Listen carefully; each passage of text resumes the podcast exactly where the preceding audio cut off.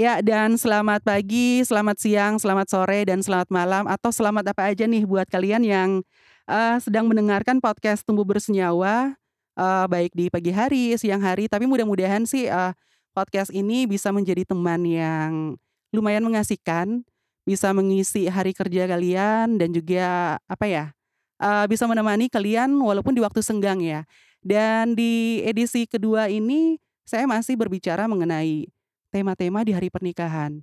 Buat yang pernah dengar di episode 1 kemarin, uh, aku pernah ngebahas dengan salah satu narasumber kita yang kemarin, ada Kadita, itu ngebahas mengenai seberapa penting kita mempersiapkan mental kita menuju hari pernikahan karena menikah itu bukan berarti kita hanya berbicara mengenai oh aku harus pakai vendor yang ini, oh dekorasi aku harus seperti ini, gaun aku harus pakai karya desainer yang ini. Tapi ada hal yang paling penting kamu udah siap menikah atau belum? Kamu udah siap beradaptasi dengan situasi yang uh, kamu bakal pindah status nih dari seorang cewek menjadi istri orang. Nah, kamu udah siap belum? Ya, dan di episode 2 hari ini uh, saya akan berbicara sesuai dengan mini artikel yang udah rilis di Instagram yaitu beberapa hal yang Brida Mua ingin bilang ke kamu hanya di podcast Tumbuh Bersenyawa.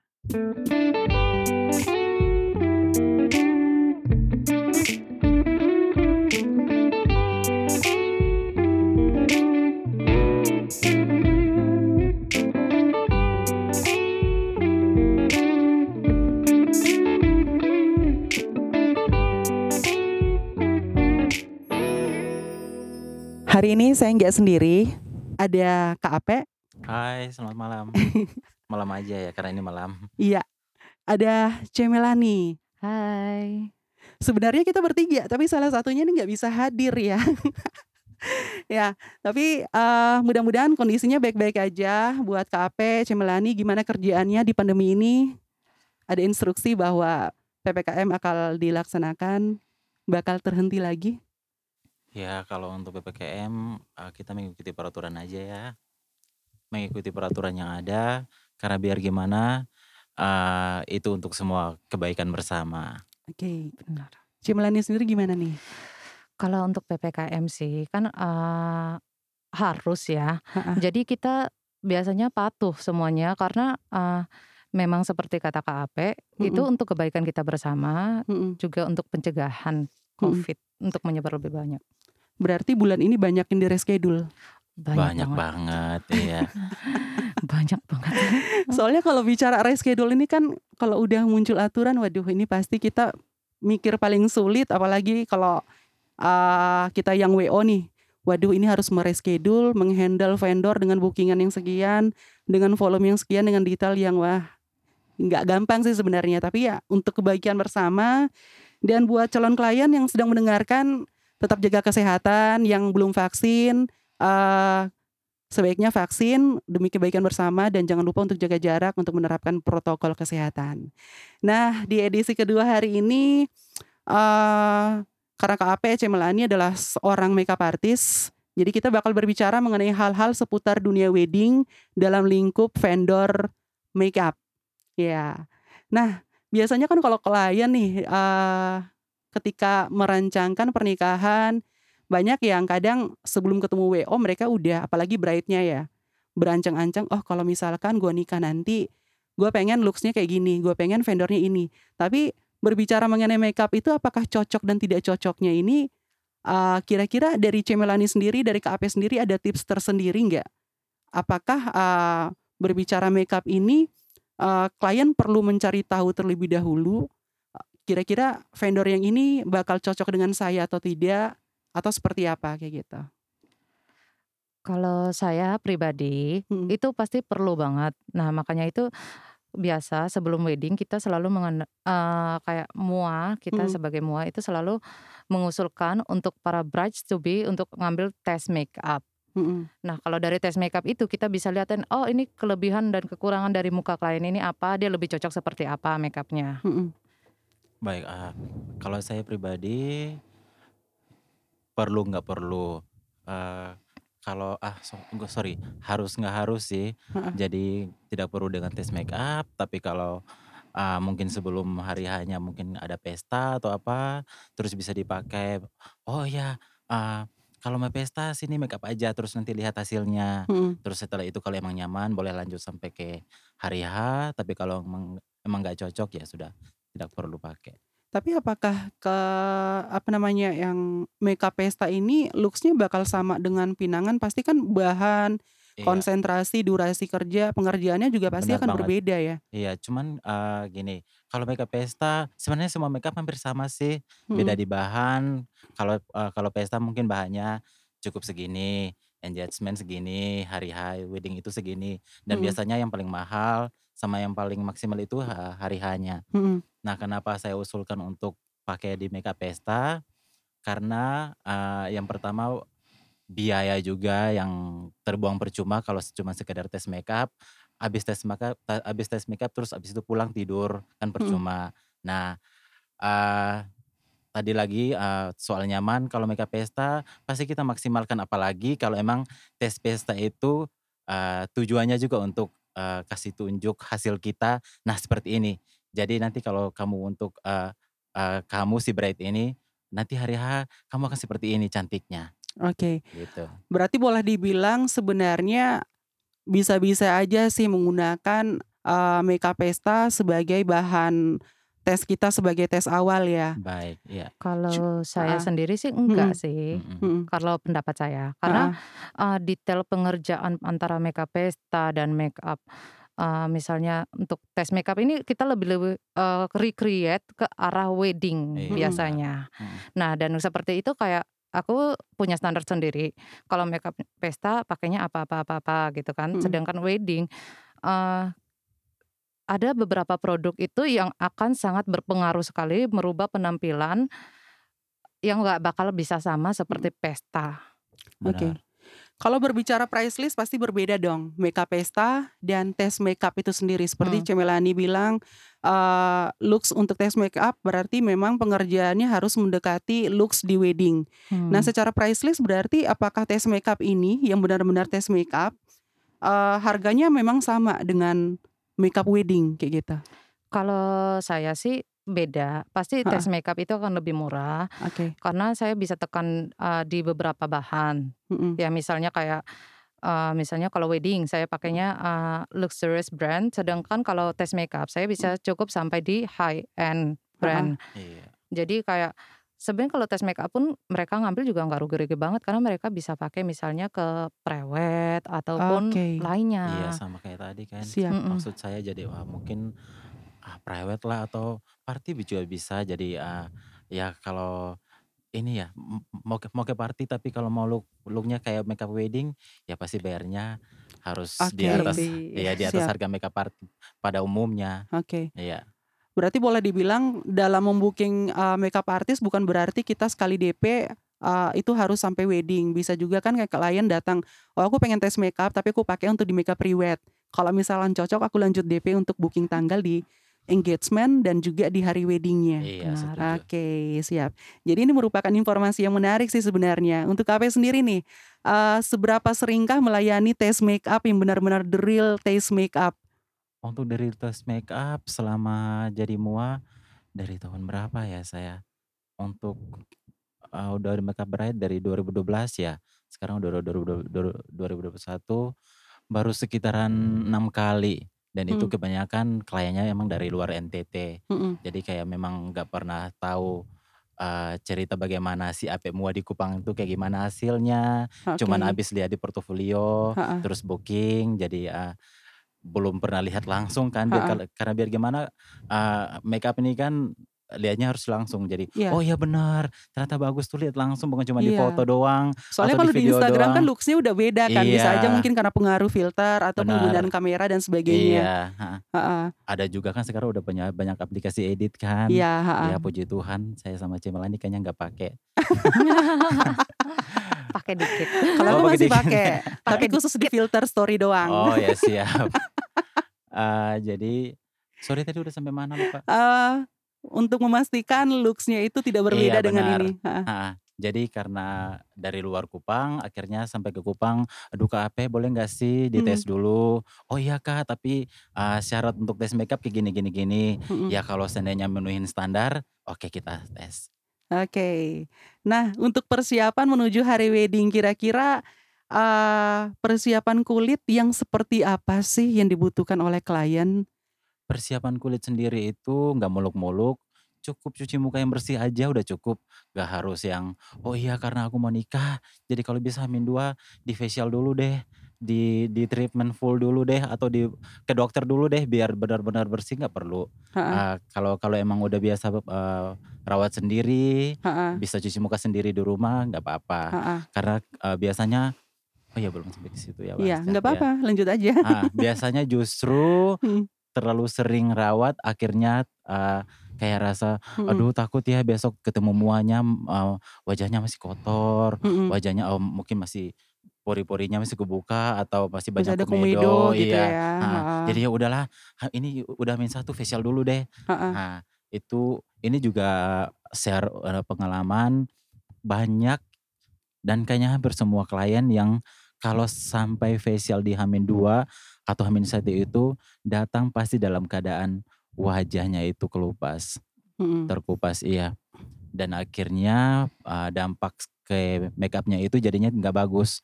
Bisa jadi, eee, foundation-nya nggak masuk, Heeh. iya atau atau mungkin nanti setelah makeup itu gampang crack, Mhm. gampang pecah. Oke. Nah kalau Cemelani sendiri kira-kira gimana nih? Eee, soalnya kan kalau bicara makeup kadang klien mikirnya, "Oh ya udah namanya juga saya di makeup jadi saya nggak perlu, eee, perawatan yang terlalu kayak gimana-gimana." Padahal mungkin kita bisa menyarankan karena kulitnya jerawatan misalkan. Benar. Kadang kan klien berpikir bahwa kulit saya jerawat bisa di-cover oleh penggunaan makeup, padahal tidak selamanya kan seperti itu. Nah Eee, kalau saya Heeh. sebagai MUA sering banget dapat klien yang seperti itu Heeh. ya. Jadi mereka datang mukanya berjerawat nih ya, Mhm. terus ekspektasi setelah di makeup itu bakal ka kayak Mulus mulus banget, banget heeh. ya, kayak sampai yang bopeng-bopeng atau yang pori-pori besar pun itu kayak ekspektasinya tuh bakal langsung kayak mulus, auto Heeh. mulus. Karena sebenarnya itu tidak bisa. Heeh. Kita MUA cuman kayak untuk menempelkan segala sesuatu yang bukan permanen, sedangkan Temporary sifatnya, Iya, Iya, temporary temporary, ya. Sedangkan kalau yang sudah masalah skin texture itu akan berbeda karena, eee, pori-porinya itu nyata, jerawat itu nyata Iya. dan akan tetap terlihat. Jadi Mhm. biasanya untuk sebelum mendekati hari wedding, Mhm. eee, biasanya saya akan menyarankan klien dulu kalau dia punya jerawat sebaiknya disuntik, eee, untuk Mhm. obat jerawat ya, Iya. supaya Mhm. kempes, supaya hari H itu tidak terlalu besar atau sudah sembuh. Mhm. Kayak terus, eee, misalnya nih ada juga klien yang rambutnya itu, eee, rambut di muka ya, apa ya? Baby hair Baby Baby dia, hair. hair ya, di muka itu banyak banget dan, eee, jujur itu kalau di makeup itu terlihat kurang bagus. Heeh. Jadi biasanya saya sih pasti otomatis saya cukur, tapi kalau misalnya mereka, eee, gimana-gimana ya biasa saya saranin untuk IPL. Heeh. Oh iya. Semacam Eee, laser gitu ya? iya, eee, jadi dia, eee, kayak gini loh, kayak untuk menghambat pertumbuhan rambut, sama kalau waktu pas hari H itu dilihatnya bagus. Oke. Terus, eee, misalnya mereka punya masalah seperti, eee apa sih, eee, bawaan mata ya, yang kantong matanya dalam Mhm. banget, itu kan kadang-kadang bisa crack. Biasanya saya saranin antara filler atau yang di bagian smile line. Mhm. Karena kalau misalnya yang terlalu dalam banget, itu akan crack. Mhm. Kadang sih ada MUA yang tidak masalah, jadi palingan disaranin sama pengantinnya bilang, "Jangan banyak senyum." Tapi kan kalau pengantin nggak banyak senyum gimana? Entar dipikirnya sedih waktu nikah. Iya Iya. benar, apalagi, eee, menarik sih yang tadi Cela Cemalani bilang, apalagi, eee, masalah eee, kantong mata, bawah mata, sama smile line. Bahkan serum atau, eee, concealer paling mahal Mhm. sekalipun sudah sudah pernah kita coba dan katanya Nggak itu bisa. paling mahal pasti bisa ngilangin. Percaya, sampai MUA dari Eropa pun nggak bakal bisa ngilangin itu. Karena emang itu itu itu udah udah natural banget itu. Ya kalau kantong Teksturnya. matanya Iya. kayak udah kayak gitu, smile Heeh. line-nya kayak gitu nggak mungkin hilang. Iya. Jadi memang kalau basically sih boleh dibilang yang namanya makeup issues itu berbeda dengan skin issues. Betul. Ya karena makeup ini kan cuman sekedar nempel di kulit.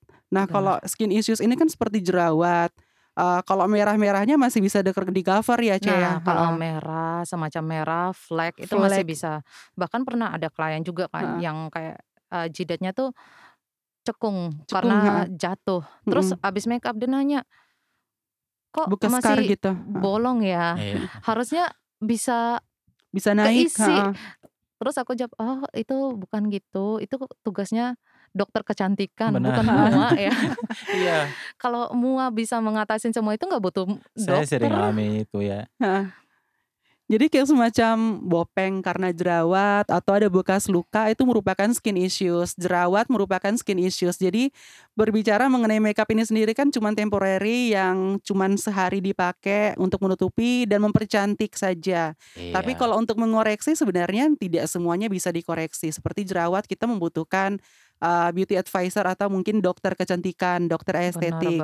Jadi sebelum hari wedding dari jauh-jauh hari kita bisa memilih treatment untuk uh, mengatasi kekurangan pada wajah kita misalkan uh, kantung mata, uh, smile line, jerawat dan sebagainya. Tapi kalau semacam fleksi kalau udah mendekati hari H, kalau kitanya nggak masalah masih bisa di-cover dengan makeup ya, Ce, ya? Kak Apea? Iya. Jadi Heeh. kalau, eee, untuk semua perempuan di sana yang mau nikah atau yang udah nikah, kalau seandainya alisnya itu nggak simetris atau lipstiknya itu kurang rapi, itu makeup issues. Tapi kalau emang jerawatnya nggak bisa ditutup karena eee, karena karena karena terlalu besar atau kantong matanya yang terlalu gelap jadi nggak bisa di-cover, sorry to say itu adalah skin issues. Mau pakai makeup artist semahal apa pun yang namanya skin Nggak issues pasti bisa. ini Iya. nggak bisa ya. Iya. Nggak bisa. Nah, ini, eee, masih soal skin issues sih.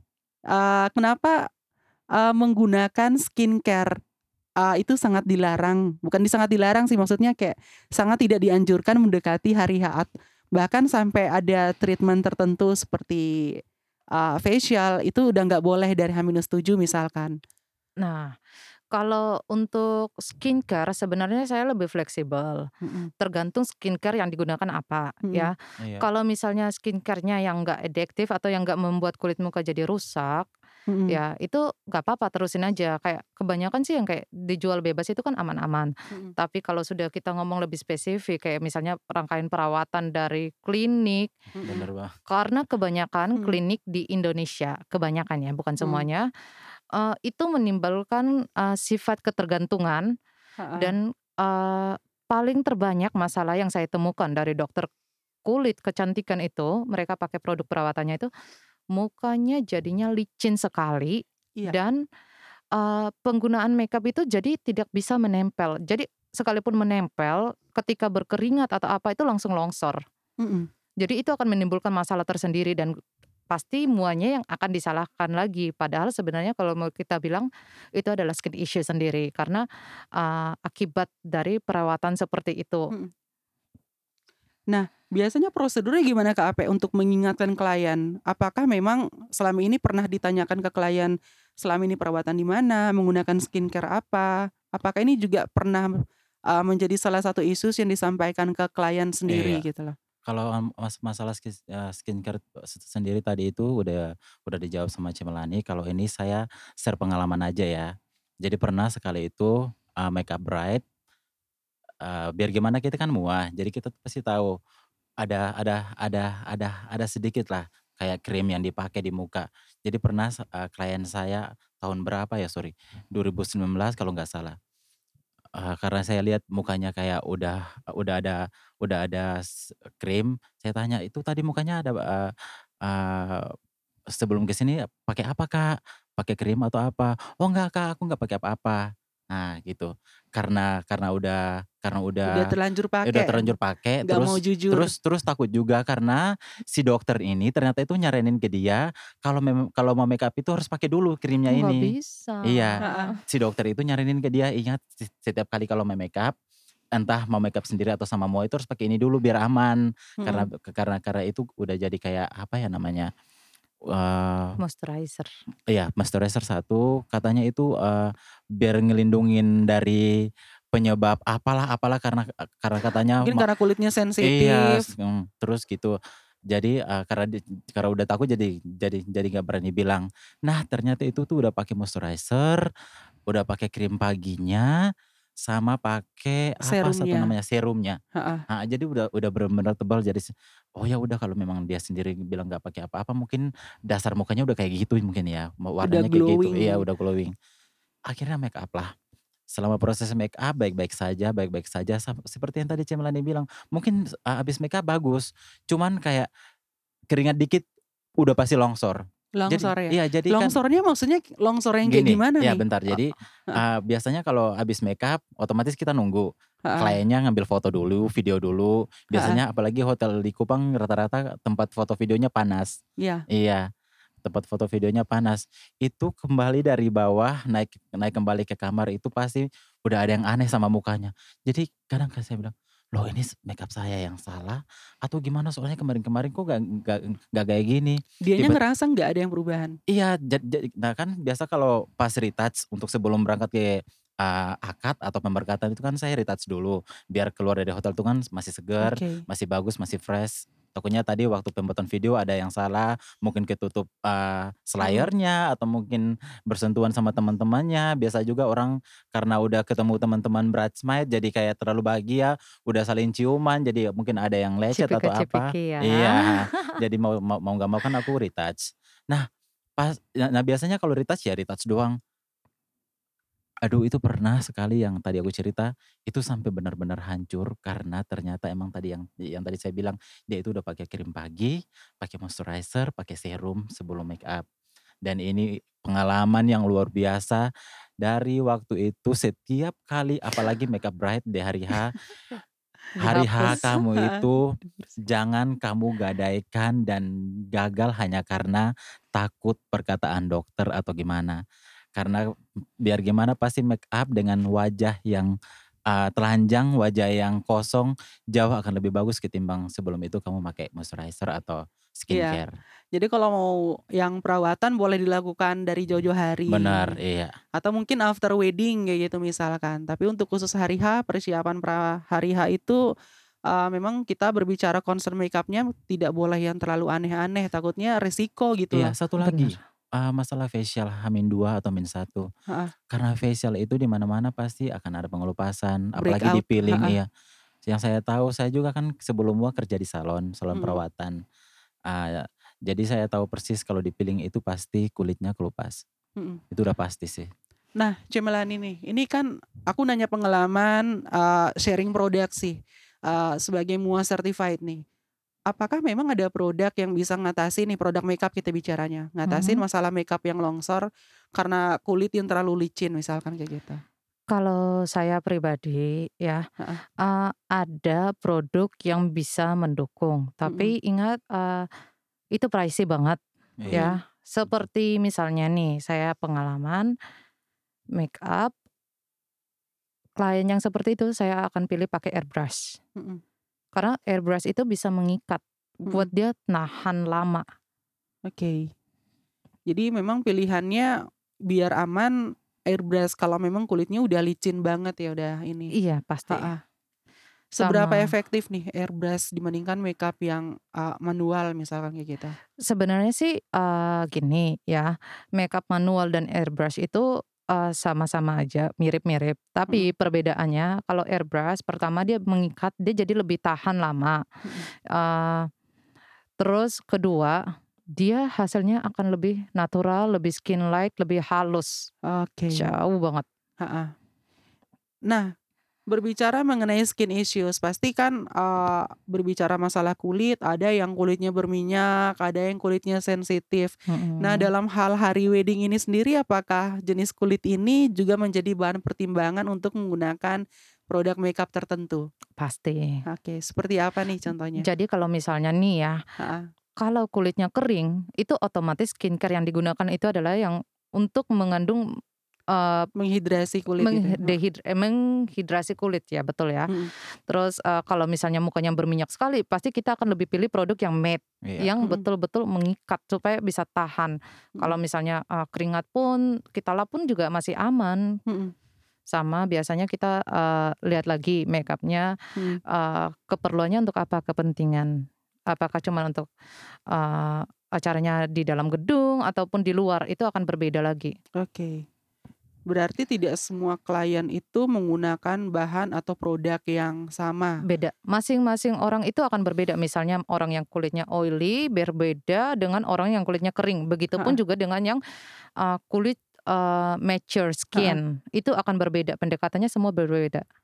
Untuk semua jenis kulit itu berapa investasinya sih untuk beli sekali bahan dalam jumlah yang banyak? Mahal. Mahal banget ya? banget mahal banget. Nggak sedikit pasti. Ya, apalagi kalau bicara makeup, ya aku kan orang awam nih, setahuku lipstik aja yang merek yang biasa dipakai itu udah ada ratusan ribu ya. Minim-minim. Minim-minim dan itu nggak semuanya bisa dipakai di wedding. Apalagi kayak foundation dan sebagainya karena setahuku pernah temenan juga sama makeup artist ada bahan yang harus di PO dulu, Iya. yang memang nggak bisa dibeli di Indonesia. Kadang kan ada yang seperti itu. Benar. Oke. Nah, kenapa price list orang makeup artist itu apalagi di hari wedding mahal banget? Padahal kan ada klien bilang, "Ah, aku makeupnya cuman tipis doang nih. Cuman pengen yang flawless, pasti nggak perlu yang mahal-mahal dong." Kalau semakin flawless semakin mahal itu karena apa? Karena ya untuk, eee, makeup flawless itu bahan yang digunakan itu sangat sangat sangat mahal ya. Bahkan Oke. satu foundation pun bisa 2 sampai 4 juta. Mhm. Iya. Sedangkan kalau, eee, misalnya makeup yang biasa, bisa mendekati flawless tapi biasanya akan, eee, ada masalah-masalah. Sedangkan kalau kita bilang kita pakai produk yang bagus, itu ketahanannya dari pagi bisa sampai malam. Bahkan Mhm. kayak retouch-nya pun sedikit, kan lebih baik kita kerja dengan sedikit retouch daripada, eee, banyak retouch. Mhm. Biasanya sih seperti itu. Sama, eee, biasa kalau mau tampil flawless kan berarti, eee, warnanya juga akan berbeda dong. Nah, Iya. produk itu kalau kita pakai yang drugstore itu hasilnya akan warnanya berbeda dengan yang kita pakai high end. High end itu berbagai macam variasi warna dan dia lebih betul-betul natural. Berarti udah kayak handphone juga sih sebenarnya, makin tipis makin mahal ya. Bener. Nah, gimana Kak Ave? Kalau, eee, saya sendiri kenapa hari H itu makeupnya pasti sangat mahal, Hmm. sangat mahal, kayaknya sangat pakai kata sangat nggak ya, kayaknya cukup mahal. Eee, biar gimana pasti hari H kan tanggung jawabmu apa sih lebih besar daripada Lebih hari besar biasanya ya, ya. Benar. Iya, eee, kalau makeup pesta ya udahlah tetap cantik, cuman Mhm. ya udahlah datang pasti makeup, udah selesai, ha habis hairdo ya udah bye, selesai. Tapi kalau makeup bride itu pasti malamnya kita mikir dulu, "Ini nih besoknya gimana ya, kira-kira buat apa yang baru ya? Warnanya kira-kira harus nambah yang kayak gimana? Mhm. Eee, alisnya ki kira-kira besok harus bentuknya kayak gimana ya biar bagus?" Ya kan, Ce, ya? Mhm. Ah, terus, eee, blush on-nya kayak gimana ya? Ini aku pakai yang ini aja deh. Heeh, terus kayak masih seleksi, a eee, alat makeup dulu, "Oh iya besok aku pakai yang ini-ini aja." Pasti yang high quality, yang high price juga, sama, eee, ya itu dia tadi saya bilang tanggung jawab, sama, eee, kasarnya gimana ya, kalian itu, Tuan eee, acara. bukan cuman bukan cuman jasa kita, waktu kita, hati kita, mood kita itu yang kalian beli. Iya, Iya. apalagi, eee, sampai di klien itu kan, eee, anggap aja mereka udah membeli sejuta pengalaman Benar sebelumnya. banget. Cerita gagal yang dibentuk menjadi kesuksesan dan perbaikan sampai di tahap seorang Bayangin klien aja, kayak ya gitu. bayangin aja saya belajar dari duru 2012, kemudian kamu pakai di 2021 dan mau bayar dengan harga di bawah kan nggak mungkin. Iya. Benar. Iya. Jam Ini kan terbang ju ya. iya, berbicara jam terbang, apalagi, eee, mengenai belajar teknik terbaru juga invens investasinya juga nggak sedikit, Benar apalagi banget. untuk private course itu kan udah puluhan juta setahuku ya. Iya, apalagi kalau Mhm. di Kupang ya pasti banyak yang tahu lah, kita selalu ngikutin tren kan. Iya. Kayak gitu. Nah, berarti, eee, mau makeup yang semakin flawless itu ataupun makeup yang bold, seorang klien memang dia udah harus paham keinginannya dalam makeup wedding. Misalkan, "Oh, di hari H ini aku pengen tampilanku, looks-ku seperti ini."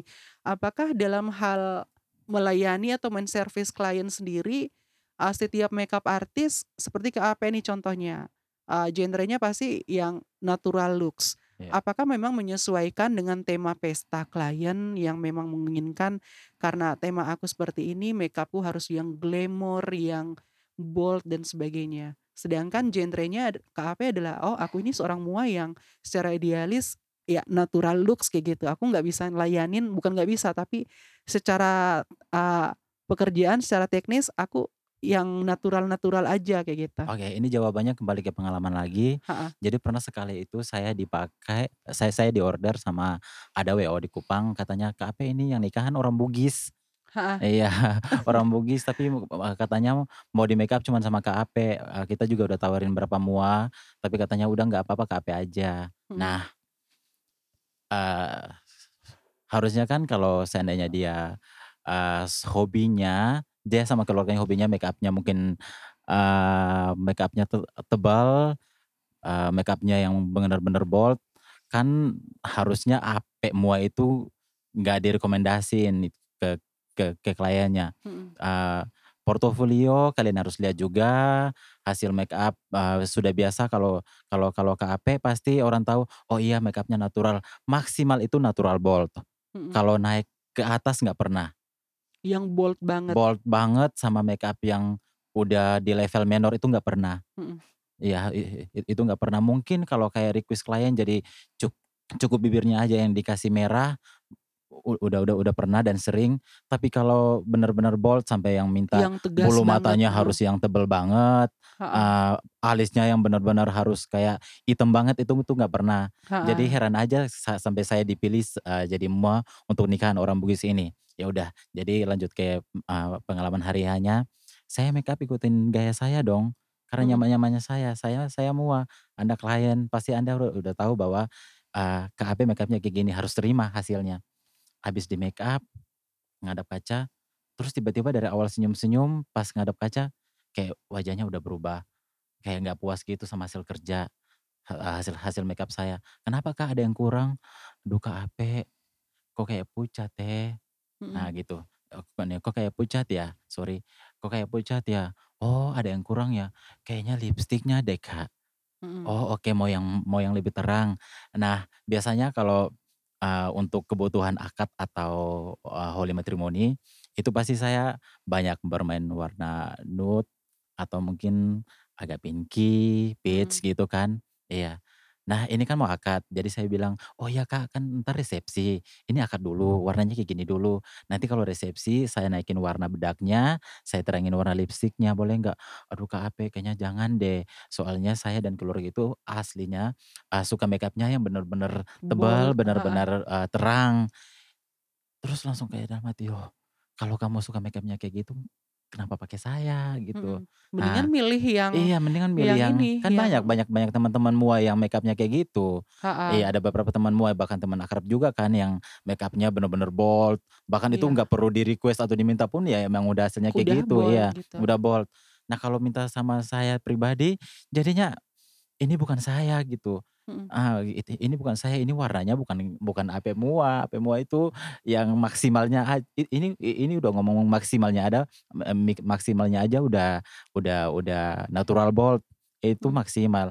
Nah kalau nah kalau minta di atas natural bold lagi itu nggak mungkin. Heeh. Nah, jadi akhirnya Nggak karena mungkinnya karena memang Kak Ape sendiri nggak mau mengerjakan, karena merasa itu bukan Kak Ape, ataukah memang secara teknik nggak bisa, Bukan gitu? nggak bisa, sebenarnya bisa. Mhm. Cuman, eee, setelah keluar dari pintu kamar, banyak orang yang lihat nih, eee, baik kalau seandainya semua yang di sana suka sama makeup makeup, eee, menor yang tadi. Mhm. Cuman kalau, "Loh, kok Ape kayak gini? Kan Iya. biasanya naturalnya bagus banget, heeh, kok tiba-tiba pengantinnya keluar kok kayak gini? Ini siang loh." Heeh. Heeh. Soalnya kan nggak semua klien calon klien yang lihat di Instagram atau keluarga yang lihat yang udah benar-benar tahu genre Kak Ape, mereka bakal merasa terkonfirmasi sendiri bahwa, "Oh ini request-nya klien." Iya. kan kita nggak mungkin juga nih jelasin ke satu-satu atau upload di portofolio, "Ini request klien loh." Kayak gitu. Nah setelah itu, baru saya paham, sorry buat orang-orang Bugis pada umumnya, eee, untuk untuk semua orang Bugis di luar sana, eee, baru saya paham ternyata, eee, diceritain sama teman yang kebetulan dari Bugis juga, katanya, "Kak Ape emang, ah, kita orang Bugis tuh kayak gitu, kalau kalau lipstiknya belum terang, sama ngukirnya belum tegas, Heeh. itu tuh belum dikatain makeup." Oh gitu. Iya, terus bulu matanya nggak tebal, matanya belum bener-bener item, itu tuh belum make up, alisnya itu harus hitam. Sedangkan biasanya paling maksimal aja itu dark brown. Iya, Iya yang hi tua, iya yang saya pakai. Biasanya kebanyakan yang coklat eee, coklat tapi kalau emang dasarnya kulitnya agak gelap pasti yang saya pakai dark brown biar gi supaya lebih kelihatan alisnya. Jadi saya, "Oh gitu ya Kak ya, ya ampun terus kenapa kemarin saya yang dipilih?" Padahal Mmm. kan banyak makeup bold, banyak makeup yang warnanya lebih tegas di Kupang. Akhirnya sudah saya bilang, "Aduh Kak minta maaf ini makeup-nya saya." "Sudah Kak ape gak apa-apa, eee, ditambah aja buat seperti permintaan saya dan keluarga aja." Kebetulan ini yang minta makeup, Mmm. eee, tegas sama makeup, eee, yang udah menor ini bukan cuman bukan cuman kliennya aja, eee, bride mom-nya, keluarganya, tantenya, jadi udah ikutin karena udah dibayar. Tapi jujur itu pertama kali klien yang saya nggak pernah eh, yang saya nggak foto dan saya nggak upload ke portofolio saya. Karena memang kita juga harus mempertahankan style dan Iya, portofolio bener kita. banget. Untuk Cek Melani sendiri gimana nih? Kalau saya, Heeh. eee, memang kalau misalnya dia lebih prefer soft, dia sebaiknya cari mua yang soft, sedangkan kalau dia Iya. bold, dia harus cari mua yang bold. Tapi kalau saya secara pribadi karena saya bisa, eee, soft maupun bold, biasa saya akan kembali lihat karakter muka daripada klien. Mhm. Jadi, eee, aku liatin nih misalnya dia lebih cocok misalnya yang soft, saya akan rekomendasiin yang soft. Kalaupun Oke. dia request-nya yang bold, oke fine bisa, tapi saya kasihnya soft bold. Oke. Iya. Jadi, Jadi balik eee lagi soft bold, natural bold gitu. Iya, tapi kalau misalnya dia berani bold, aku bisa. Tapi dengan catatan aku selalu bilang, "Ingat kalau mau makeup bold, itu paling utama adalah kepercayaan diri." Ya. Karena kalau, eee, mau makeup bold itu harus benar-benar percaya diri agar kelihatan menawan, bagus.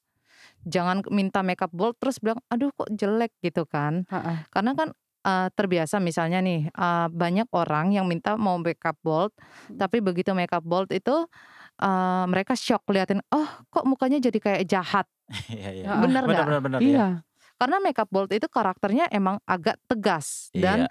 Eee, ada juga orang yang tipikal mukanya cocoknya yang bold, tidak cocok yang itu. Jadi saya biasanya kembalikan lagi sih kepada klien. Jadi Mmm. kalau misalnya kliennya request apa, saya akan kasih tahu, saya bisa ikutin apa tidak. Jadi, eee, kembali lagi sama karakter mukanya. Oke. Jadi memang untuk genre atau style makeup ini juga menjadi pilihan untuk klien, kira-kira kalau memang ngerasa cocoknya bold, cari makeup artist yang memang selain memang genrenya bold atau memang bisa se-fleksibel itu. Iya. Tapi memang balik lagi ke tekstur mukanya, ini memang pede nggak nih di makeup dengan bold atau memang pengennya ya udah natural aja gitu Karakter loh. muka.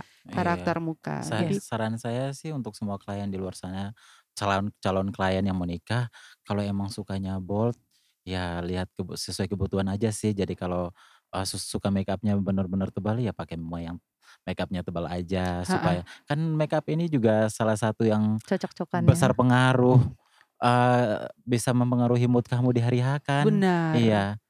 Soalnya kan kalau pengalaman aku sih sebagai, eee, wedding consultant, kalau di hari resepsi, eee, kita kan nggak di panggung kan, pasti keliling di antara keluarga, tamu, pasti banyak yang bisik-bisik kayak, "Eh ini siapa nih yang makeup?" Kayak gitu. Karena memang di wedding itu, eee, yang dilihat pertama adalah makeup-nya. Benar. Si bride-nya cantik apa enggak nih. Ini kalau cantik, ya udah siapa makeup artist-nya, biar ini jadi referensi buat mereka Iya. juga besok-besok. Benar. Kalau misalkan jelek, ya udah dicari tahu ini kira-kira siapa nih. Eee, jelek memang karena ada apanya atau memang karena makeup ar makeup artist-nya ini enggak ini enggak reference untuk, eee, dipakai esok hari kayak gitu loh. Benar. Jadi ini kalau bicara makeup memang Harus sesuai kebutuhan sih. Iya. Banyak yang perlu dibicarakan ya. Oke, eee, ini kalau kita lihat lagi nih kondisi pandemi. Jadi kebanyakan biasa klien, eee, booking-nya satuan, udah nggak berbicara paketan lagi. Kadang ada yang ngambil dari pre-wed sampai wedding untuk makeup artist-nya. Iya. Tapi kadang kan lebih seringnya sekarang kayak, "Ce aku mau pre-wed aja, Ce aku mau pesta aja."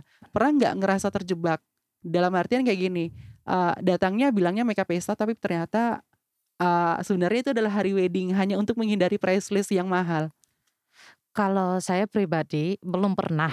Heeh. untuk, eee, makeup tunangan maupun wedding. Mhm. Tapi kalau misalnya mom atau sister, Mhm. untuk menghindari price yang lebih high, mereka lebih nipu kayak arah makeup tamu.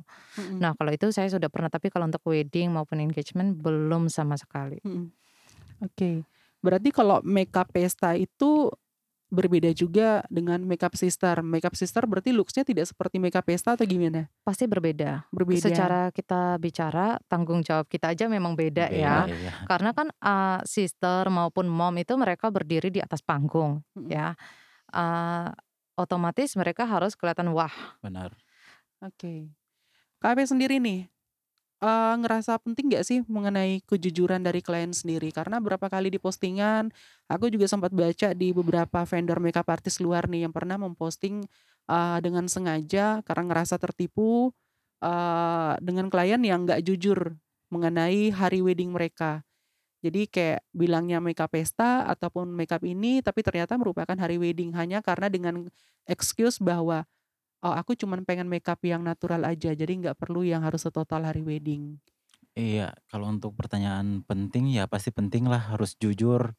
Kalau kalau kalau kalau memang mau nikah ya bilang bilang bilang makeup nikah, kalau mau pesta ya, eee, makeupnya pesta, Benar. engagement ya engagement. Karena biar gimana, eee, pada saat si klien ke sini kalau cuman request-nya makeup pesta, eee, makeup pesta itu selalu terbilang makeup apa adanya masalahnya. Mhm. Nah, eee, yang menjadi rugi juga ini s kembali ke si muanya.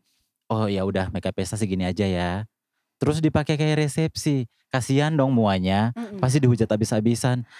Kok Ah, makeupnya gitu kok makeupnya ya? kayak gini aja? Heeh. Kok rambutnya kayak gini, hairdo-nya kayak gini Kok aja? sama kayak tamu? Iya, kok sama Heeh. tamu bahkan tamu di sana pasti banyak yang lebih cantik dari Jauh pengantinnya. lebih Iya, cantik jauh lebih ya? cantik, kan kasihan. Jadi untuk calon klien, eee, calon pengantin, eee, khususnya perempuan. Tolong jujur. Iya, tolong jujur, harus jujur, jangan hanya karena, eee, hitung-hitungan masalah budget atau karena takut keluarnya lebih banyak, terus pikir, "Ah, eee, udahlah pakai makeup pesta aja buat resepsi, nanti saya hubungi muanya bilang, eee, bilang ini untuk makeup pesta aja." Kasihannya di eee, s si kamunya dan si muanya, lebih Heeh. besar ke si muanya sih. Soalnya kan beberapa kali sharing kan kita juga sempat, eee, gimana ya, kita juga bisa bedain lah secara awam, makeup pesta ini kan durasinya paling cepat 30 1,5 jam. menit, 1,5 jam paling lama. Maksimal. Sedangkan kalau makeup wedding itu kan bisa sampai 2, 4 jam. Benar. Pengerjaannya mau se-flawless apa pun, seminimalis apa pun, looks-nya pasti pengerjaan dan details-nya Iya, berbeda, karena konsentrasinya juga berbeda. Loh, kita loh bayar orang hairdo-nya Iya. juga beda ya. Iya. Karena biar gimana makeup hari beda itu semua. Iya, iya. soalnya kan kayak bukan mau apa ya, kalau diperhatikan kan juga sekali turun itu, eee, makeup artist turunnya nggak sendiri, ada yang menyiapkan asisten makeup untuk Benar. mempercepat proses pengerjaan, mulai dari mengangkat barang, memilih foundation, memilih bahan dan sebagainya, mendisplay barang. Ada juga yang menyiapkan hairdo sendiri karena, eee, balik lagi nih, banyak yang masih nggak paham, pikirnya adalah makeup artist, eee, juga Sama. adalah hairdo. Makin ke sini secara profesi makeup artist ya makeup artist, hairdo adalah hairdo, kayak gitu. Jadi nggak semua makeup artist itu bisa ngerangkap, eee, menjadi seorang hairdo juga, kayak gitu. Iya. Bener. Jadi kalau saran saya buat Heeh. brides to be, Mhm. kalau Iya. mau cari yang price-nya yang murah, Mhm. carilah mua dengan budget yang sama. Jadi Heeh. jangan Benar dipaksakan banget. ke mua yang tinggi, tapi dipaksakan ke pesta. Karena Heeh. apa? Sekali lagi malunya banget. Benar Iya. benar. Soalnya kan pasti looks-nya juga beda kan, Iya, biar seperti gimana, eee, makeup hari H itu, eee, detailnya itu ekstra, lebih ekstra hati-hati, eee, bulu pergumulannya juga beda. iya, bulu matanya juga bukan Semakin sembarang bulu melotot mata, ya, semakin iya. wedding. Mhm. Iya, benar. Oke nih, eee, dalam seharinya kira-kira maksimalnya nih untuk hari wedding, untuk Cimelani sendiri, secara schedule nih, bisa nerima sampai berapa klien untuk hari wedding, dalam 1 hari? Eee, kliennya nih maksudnya apa? Apakah cuman pengantin atau bisa di-mix? Eee, pengantin saja. Kalau pengantin biasanya saya maksimalnya 2, tapi kebanyakan saya cuman mau 1 sih. Oke. Untuk Ape sendiri? Berbeda dengan saya, saya itu pernah maksi eee, pernah terima 3 sehari. Yang penting jam akad atau jam pemberkatannya itu beda Mhm. dan, eee, range waktunya itu jauh kayak mungkin yang pertama pemberkatannya di jam 9 pagi, nah itu make-up-nya dari jam 2 pagi otomatis. Terus selesai dari situ, kalau seandainya ada pemberkatannya jadi jam, eee, 2 siang, karena Mhm. kalau make-up dari jam 2 pagi pasti saya selesai di jam, eee, 5, retouch-nya selesai jam 6. Mhm. Jadi itu nanti bisa dijadwalkan jam 7 lagi make-up-nya, Mhm. terus kemudian lanjut lagi. Oke. Berarti durasi untuk KAP sendiri spare-nya harus berapa jam untuk 1 bride? 1 bride itu 3 jam. 3 jam. Cemelani Iya. sendiri berapa nih? Kalau saya secara pribadi itu 4 jam. 4 jam. 4 jam minim-minim ya. Heeh. Karena kan, eee, kadang nih kita liatin lagi kebutuhan klien, apakah dia punya, eee, masalah yang agak apa gitu loh, misalnya matanya sensitif ya, Iya. itu otomatis membuat kita make-up-nya itu akan semakin lama. Terus, eee, permasalahan kulit ataupun, eee, muka yang tidak simetris yang harus kita buat simetris. Benar. Mata yang monolit misalkan yang itu Yes, heeh. seperti monolit atau misalnya kalau kita mau bilang ya, ada nih, eee, klien nih ya yang, eee, oke, eee, struktur mukanya nih tidak simetris, eee, alisnya mencong kiri kanan kan, beda banget. Mhm. Kalau kadang kita gambar udah sama, begitu buka mata Beda, beda. iya. Nah banyak, jadi kayak gimana sih supaya diakalin kalau di eee, buka matanya biar agak sama segala macam. Mhm. Sama biasanya sih, eee, tergantung lagi kalau misalnya dia ambilnya paketan makeup apakah pakai airbrush apa enggak gitu akan beda Mhm. lagi. Karena kan airbrush ini, eee, butuh waktu walaupun kita airbrush-nya nggak gitu lama, tapi untuk membersihkan alatnya segala Iya, macam. Karena kalau habis dipakai tidak langsung dibersihkan itu akan nge-clog dan menimbulkan masalah lagi. Oke. Eee, berbicara mengenai booking-an nih dalam, eee, mungkin dalam seminggunya atau di calon klien yang baru mau masuk. Pasti dari setiap vendor, gue jujur juga punya riders kayak gitu. Nah untuk Cemelani sendiri, KAP sendiri juga menentukan riders tertentu nggak? Kayak misalkan, oh untuk hari wedding aku butuh ruangan yang tenang atau apa kayak gitu. Mungkin selain ruangan deh, kayak gitu. Pasti ada rider sendiri. Jadi, eee, untuk masalah pen eee, pencahayaan, Pencahayaan, eee, space ruangan, Mhm. sama, eee, meja yang agak besar ya supaya kita Iya. bisa taruh barang, Mhm. sama harus ada AC, AC-nya dingin apa Mhm. enggak, Benar banget. kebersihannya gimana, supaya, eee, pengaruh banget dengan mood kita. Mhm. KAP sendiri gimana? Kalau saya sih, eee, sama kayak, eee, sa sama kayak Melani, ruangannya dingin, steril, harus bersih itu yang paling utama. Dan kalau bisa, eee, untuk ruangan MUA itu jangan dicampur, jangan dipakai untuk makeup mom atau jangan dipakai untuk makeup bride. Terus juga kalau Bridesmaid bisa ya? iya, Heeh. eee, ber maksudnya bridesmaid, eee, sister bride Heeh. atau sister groom itu jangan dicampur. Karena biar gimana itu sangat mempengaruhi mood MUA. Heeh. Kadang terlalu ribut juga jadinya kayak nggak nyaman untuk MUA. Eee, terus kalau, eee, sesek, s Nggak nyaman iya, sumpek, iya terlalu sumpek, ter ja jadi terlalu kecil ruangannya, awalnya yang besar hanya karena numpuk jadi terlalu kecil, ruang gerak MUA juga akhirnya terbatas. Terbatas. Iya, yang tadinya harus benar-benar kayak fokus jadinya kayak lihat kiri kanan, loh udah kayak gini jadinya nggak fokus. Keganggu dan Iya, keganggu mood mood MUA juga akhirnya turun. Eee, jadi sekedar saran sih kalau bisa semua, eee, bride to be, eee, semua calon klien ke depan, calon pengantin, eee, keluar dikit nggak apa-apa untuk Iya, eee, iya, keluar heeh. dikit nggak apa-apa untuk, Hari eee bahagia Hari ya. iya, hari bahagia. bahagia Sekali seumur kamu. hidup. Iya, heeh. La apalagi kan tadi yang tadi saya bilang, makeup itu salah satu yang paling penting di hari H kamu. Mhm. Jadi, eee, siapin satu kamar khusus, eee, khusus MUA, khusus makeup dan tim, biar dia lebih fokus dan, eee, cantik udah jadi jaminan buat kamu. Iya. Jadi memang riders itu, eee, memang hanya sekedar untuk penunjang, tapi tidak terlepas kepentingannya untuk membuat semuanya terlihat baik, terlihat lebih fokus. Apalagi memang pengalamannya sih kalau dalam satu kamar terlalu banyak orang juga sangat mengganggu sebenarnya. Hektik dan, Benar. eee, jadinya panas, gerah, Iya. karena Apalagi terlalu banyak Kupang orang. udah masuk bulan kayak gini pasti udah September, Oktober itu kan udah panas banget. Panas banget. Kadang kayak, eee, di hotel tertentu atau di hotel yang mana aja kalau udah ngadapnya laut, biasa kan kamar dipilih yang sea view nih. Udah jam 11 itu pasti udah panas banget sekalipun udah ber-AC sih. Nah, untuk yang terakhir nih, ada tips apa untuk dear our brides to be yang lagi mendengarkan podcast ini? Dari Kak Ape sendiri kira-kira ada tips apa? Cemelani? Sorry Kak.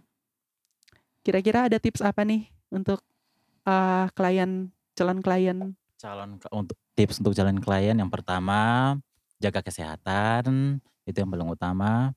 Eee, yang kayak tadi, eee, wajah jangan sampai diapa-apain dulu, Mhm. rambut juga, soalnya kemarin-kemarin ada yang, eee, kemarin kemarin priwetnya poninya masih panjang, hari H-nya udah dipotong poni Dora, terus request-nya makeup-nya, hairdo-nya me request sama hairdo-nya itu poni yang ke samping, kan Nggak mungkin. mungkin, Iya susah. iya. Terus, eee, apalagi ya, mental, mood juga, eee, banyak istirahat. Itu aja sih. Oke. Iya. Cemelani sendiri? Kalau dari aku seperti kata Kak Ape, pertama jaga kesehatan, kedua, eee, istirahat yang cukup Iya, istirahat ya. yang cukup tadi. Karena, eee, auranya biar ke lebih keluar Benar. pas Heeh. hari H. Iya. Eee, terus yang ketiga, sekali lagi masalah skincare lebih diperhatikan dan Heeh. lebih Betul. dipilih pil dipilah apa yang akan digunakan dan sebaiknya konsultasikan dulu kepada para MUA ya. Iya. Benar. Heeh, jadi kayak misalnya apa yang harus dihindari dan apa Iya. yang, eee, tidak Perlu masalah dilakukan, dan heeh. perlu dilakukan. Terus, eee, untuk masalah, eee, misalnya rambut atau apa pun juga sebaiknya dikonsultasikan dulu karena, Heeh. eee, kita harus, eee, dicocokkan lagi kan sama, eee, berbagai macam kayak karakter muka atau apa pun gitu loh. Kalau misalnya perlu ekstra apa, kita akan Mhm. kasih tahu ya. Nah ini penting ja jadi, eee, tadi, eee, Kak Melani bilang jadi sa eee, saya jadi ingat betapa pentingnya komunikasi, eee, komunikasi klien sama sama MUA itu penting banget, eee, bangun hubungan secara emosional biar Mhm. lebih dekat sama MUA-nya. Jadi, eee, kalau memang apa yang mau ditanya mending tanya, Mhm. jangan kayak, "Oh ya sudah sama MUA-nya ini jadi ketemunya hari H aja lah," Mhm. nah gitu. Supaya lebih baik dan, eee, lebih lebih apa ya, eee Lebih maksimal. lebih maksimal terus, eee, kamu lebih tahulah apa yang harus kamu buat. Kira-kira seb sebelum hari H ini, eee, perlu nggak muka saya diapa-apain atau nggak Heeh. perlu diapa-apain Heeh. gitu. Itu sih lebih baik dikomunikasikan sama si Iya.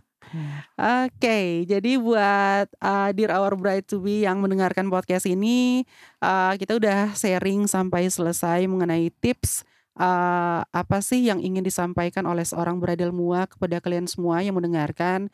Karena hal-hal seperti ini jarang sekali dibahas dan butuh, eee, inisiatif dari bride sendiri untuk mencari tahu. Biar nggak ada miskomunikasi, eee, seperti yang sudah kita bilang dan kita ceritakan di awal, dan tips dari Cemelani, dari Kak Ape juga boleh didengarkan. Jaga kesehatan, eee, perhatikan juga perawatan di dokter.